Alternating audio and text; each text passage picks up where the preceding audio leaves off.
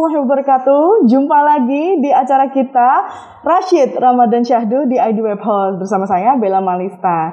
Nah, sore hari ini Bella akan nemenin menjelang buka puasa kalian dengan berbagai tema. Kalau kemarin ada yang eh, mungkin UMKM, pembisnis, teknologi, ada lagi startup dan lain-lain. Kalau sekarang kita mendatangkan orang yang sudah profesional nih di bidangnya. Nah, tapi sekali lagi Bella mau mengingetin kalau kita syuting ini sudah mematuhi protokol kesehatan seperti mencuci tangan, menggunakan masker dan berjaga jarak. Nah, pada sore hari ini Bella akan membawakan tema yang berjudul Pe- penting pentingnya UI UX untuk website dan aplikasi yang memperlancar bisnis. Nah, kita hadirkan langsung ini Mas Afif Bimantara selaku digital produk produk designer ya Mas ya, seperti betul. itu. Selamat sore Mas Afif. Sore Mbak Bella, Ya. Assalamualaikum. Waalaikumsalam Mas, gimana Mas kabarnya nih Mas? Puasanya lancar? Puasanya Alhamdulillah. Alhamdulillah ya Mas, apalagi lagi pandemi kayak gini ya Mas ya. Iya, iya, iya. Cuaca lagi nggak menentu juga, Betul, harus betul, tetap stamina-nya dijaga terus ya Mas ya. Betul, nah, betul.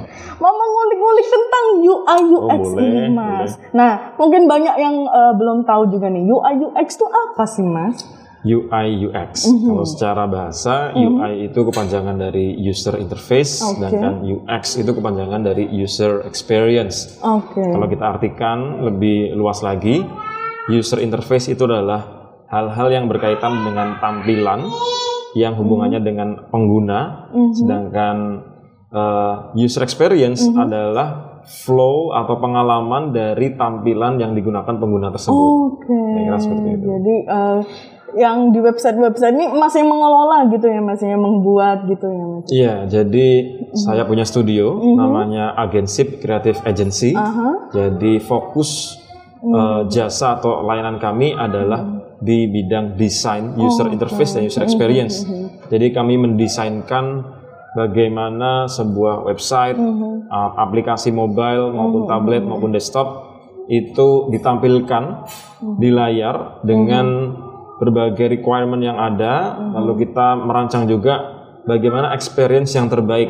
Jadi tidak hanya tampilan itu terlihat menarik, indah, eye catching, tapi juga memastikan user bisa pakai aplikasinya. fungsi-fungsinya juga gitu ya Betul. Mas ya. Oke oke. Nah nih Mas Afri ini mulai mendalami UI UX ini sejak kapan sih Mas? Apa dari dulu SMA emang sudah tertarik di situ? Apa berjalannya waktu akhirnya wah menarik juga ini gitu. Ya. Jadi awalnya dulu saya tidak langsung mendesain UI ataupun UX karena awal saya dulu mendesain tampilan website itu tidak ada istilah yang namanya UI design atau UX design. Terms itu baru hadir mungkin kira-kira ya lima tahun belakangan ini. Dulu yang ada hanya website design. Jadi awalnya dulu saya mendesain poster, mendesain tampilan untuk publikasi. Oke. Setelah saya eh, kuliah dan ikut magang di salah satu divisi di kampus saya, yang itu megang seluruh sistem yang ada di kampus, website, presensi, sistem karyawan dan lain-lain. Nah, saya diamanai untuk menjadi bagian dari sistem tersebut, yaitu mengerjakan desainnya. Mhm. Nah, di situ saya mulai mendalami dan akhirnya eh, ada perkembangan dari dunia tersebut ada istilah yang namanya UI design dan UX design. Oke, itu yang eh, juga berbeda juga ya Mas UI apa. UX itu ya Mas. ya. Mm, Bermula dari magang ternyata malah jadi ini ya Mas ya penghasilan sehari-hari Ya, gitu ya Mas ya. Oke. Nah Mas, soft skill dan hard skill apa sih yang harus dimiliki seseorang untuk mempelajari atau eh, mendalami UI UX ini sih Mas? Oke, eh, un- ya iya betul. Untuk eh, bidang ini memang kita bisa mm, mengkategorisasikan skill Mm-mm. jadi dua. Emang kadang-kadang butuh juga hard, hard skill dan soft skillnya.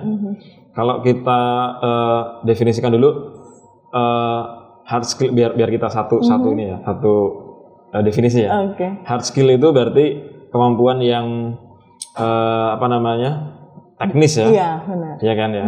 Kalau soft skill itu yang non teknis betul Iya, ya. benar. Oke. Nah, untuk terjun di bidang ini, Mhm.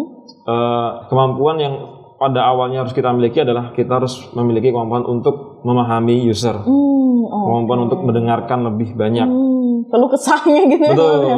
karena Oke, oke. eh, kalau kita hanya sekedar mendesain saja Mhm. tanpa adanya pemahaman terlebih dahulu terhadap user yang akan menggunakan aplikasi yang kita desain, Oh, Oke.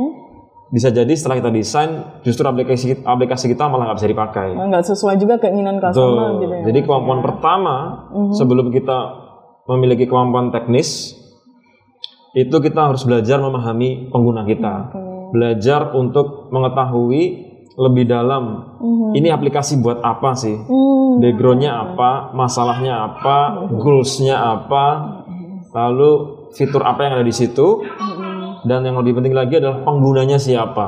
Oke, menganalisa itu sangat penting di awal gitu ya Mas Betul. ya. Karena kalau dilihat dari termsnya kan UI, UX selalu diawali dengan U.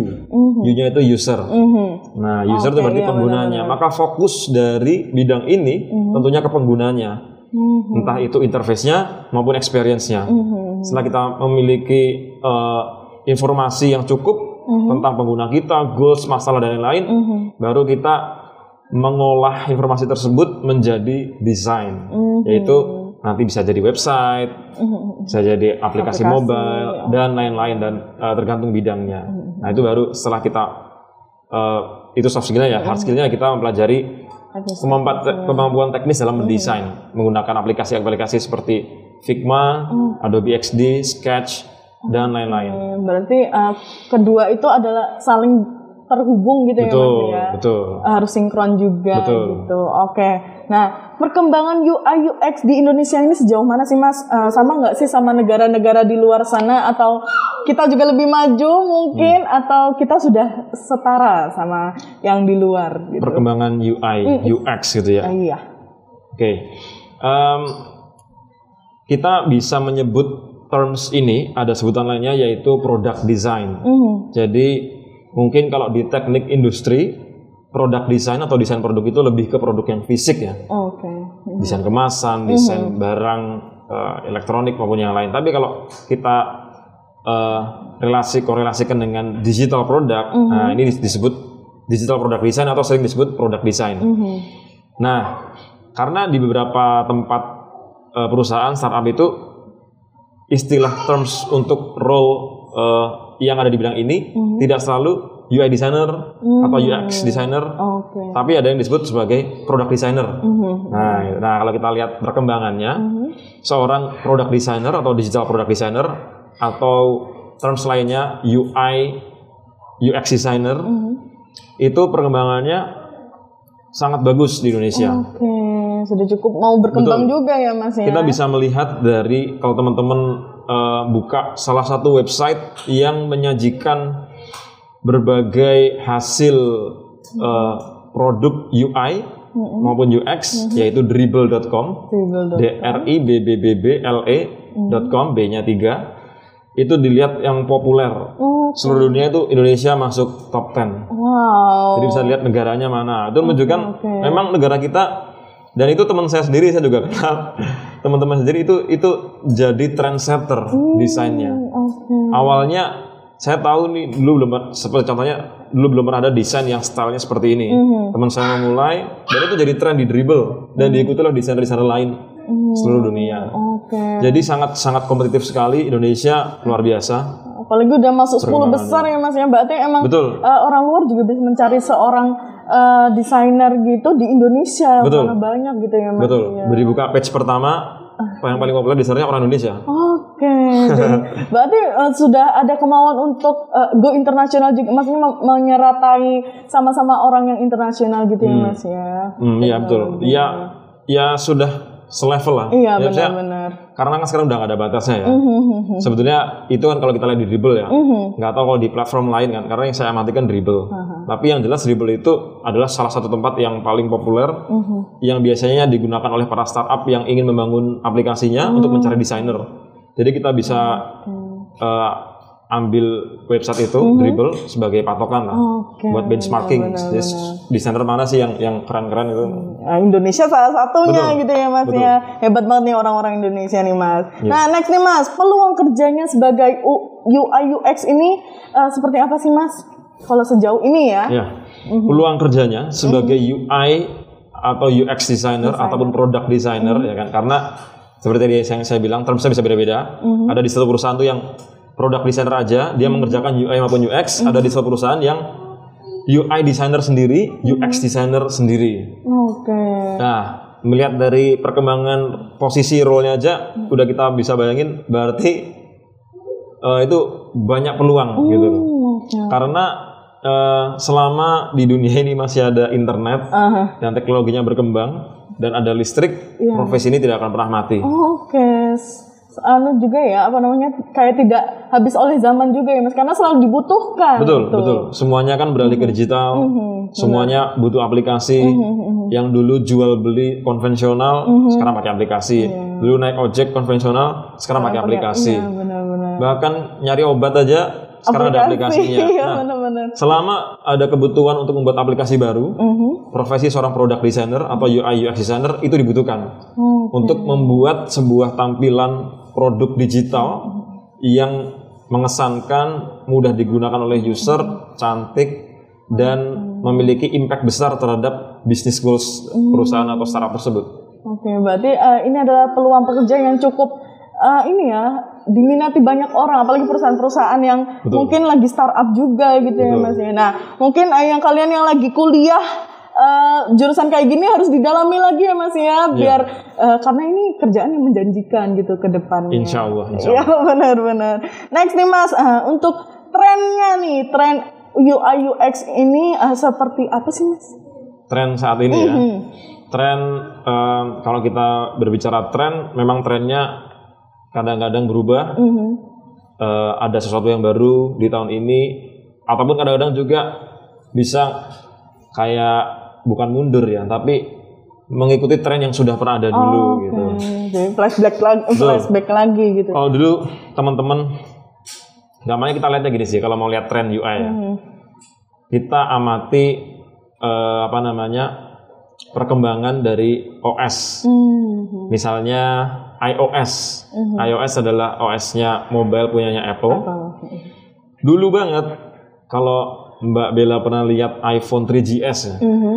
Desainnya itu kan namanya skeuomorphism. Itu yang ikonnya bentuknya itu 3D, ya kayak 3D itu, bukan 3D sih, tapi seperti 3D yang real realis gitu kan. Kelihatan. Kayak icon Instagram zaman dulu yang coklat Oke, kan iya agak benar. belenduk-belenduk gitu ada kameranya terus Iya, benar. ya kan nah terus beralih sekarang akun Instagram seperti flat cuma gradien aja kan kayak nggak bentuk kamera banget Kayak tapi lebih lebih simple gitu ya ya. Gitu ya. Oke. nah trennya dari skeuomorphism terus flat Mhm. nah, terus sekarang ada istilah namanya glassmorphism Glass morphism. Iya, jadi itu lagi juga ngetren di dribble. Mhm. Jadi yang flat, model-model desain yang flat tapi yang eh, eh, lebih lebih semi-semi eh, se- realis seperti dulu tapi tidak serealis dulu. Mhm. Itu lagi lagi cukup ngetren sekarang dan ada elemen 3D-nya juga dan eh, gradasi kira-kira seperti itu. Yang sekarang lagi ngetren yang saya lihat ya. Nah, kita nggak tahu besok seperti apa. Ya, pasti ber- berganti terus ya Mas Ya, ya. Yang jelas saat ini masih simplicity itu masih masih menjadi uh, nomor satu sih. Bagaimana desain itu terlihat simple, tidak ribet dan mudah digunakan. Oke, next nih Mas. Dampak dari UI UX ini bagi uh, website itu apa sih Mas? Oke. Sebuah website gitu. Em, dampaknya kalau di- uh, berbicara dampak berarti tentunya sangat signifikan ya. Mhm. Uh, impact misalnya kita uh, uh, ada satu pertanyaan seberapa besar impactnya gitu kan Uh, desain Mhm. UI ke website desain yang bagus atau jelek impactnya seperti apa. Ya tentunya kalau desain UI-nya bagus Mhm. website tersebut misalnya ini ah, anggap aja ID Web Host aja lah. Mhm. yang langsung case tadi jangan gampang ya. ID Web Host menawarkan domain hosting ya kan. Hostingnya pun ada banyak pilihannya kan. Shared hosting VPS cloud ya kan. Ya banyak. Karena saking banyak produknya, domainnya juga bisa dipilih mulai dari yang lokal maupun internasional, maka itu butuh suatu tampilan yang memudahkan user Oke. agar user bisa dengan mudah bertransaksi, Mhm. memilih paket yang mau dibeli Mhm. dan eh, membayar sampai akhirnya dia bisa menggunakan produk tersebut. Kalau websitenya jelek, desainnya jelek, Mhm. user bisa jadi tidak tertarik Iya benar. dan bisnisnya tidak tercapai kan goalsnya. Mhm. Nah, di sini, di sini- di sini kita bisa bagi dua sebetulnya. Kalau UI-nya bagus, UX-nya jelek, ya kan. Dari luar user buka, dari pertama kali buka ideahost.com, wah websitenya keren nih, tampilannya tampilannya menarik, warnanya bagus, Mhm. stylenya kekinian. Tapi pas user mau melakukan transaksi kok susah. Mhm. Cuma kelihatannya di depan aja bagus. Iya, Ternyata pas transaksi susah, ada Diribetin gitu ya. iya Mas, bata-bata ya. yang berfungsi, langkahnya terlalu panjang. Nah, di situlah peran UX. Oke. UX itu yang mengatur gimana caranya user tak nggak harus dijelasin, Mhm. bisa ngerti. Mhm. Ini website apaan sih? Ini perusahaan apa? Yang dijual apa? Apa benefit atau manfaat yang bisa aku dapatkan dari produk yang ada di sini? Jadi dia nggak bingung lagi milih produk yang mana. Mhm. Nah, di situ peran UX. UI-nya membuat tampilan yang Mhm. lebih indah. Nah, di situ kalau UI UX tadi diterapkan dengan baik di website ini, Mhm. Tentunya eh, transaksi jadi semakin lancar, bisnisnya berjalan semakin bagus karena user nyampe. Iya, ya, betul. Mas, Informasinya sampai user mau nyari barang, mau nyari service yang dia pakai bisa dengan mudah Mhm. dia dapatkan dan goal saya tercapai kan. Bisnisnya semakin maju. Oke, terima kasih Mas. Ini banyak banget tadi ilmu-ilmu tentang UI UX ini. Jadi banyak eh, apa ya wawasan juga nih. Ternyata eh, seorang UI UX designer ini emang eh, juga berperan penting dalam sebuah website gitu ya Mas ya dan aplikasi tentunya. Terima kasih banyak Mas Afif. Semoga eh, puasanya lancar terus, kegiatannya eh, lancar juga. gitu ya, Sama-sama, Mas, Mbak ya. Bella. Terima kasih sudah mampir di sini. Assalamualaikum Mas. Waalaikumsalam warahmatullahi wabarakatuh. Terima kasih udah nonton video ini. Kalian gimana nih? Udah ada gambaran gimana tentang UI UX ini? Kalau kalian ketinggalan video sebelumnya bisa langsung scroll aja atau cari ke YouTube kita eh, ID Web Host. Kita juga tayang di Instagram, di IGTV kita ID Web Host.com. Kita juga ada di Spotify dan di media partner kita Teknologi. Nah, buat kalian jangan lupa tinggalin jejak dengan cara like, comment, subscribe, follow dan share ke teman-teman kalian biar informasi yang kita berikan ini juga bisa tersampaikan ke teman-teman kalian. Terima kasih eh, dan sampai jumpa di video selanjutnya. Bye. Wassalamualaikum warahmatullahi wabarakatuh.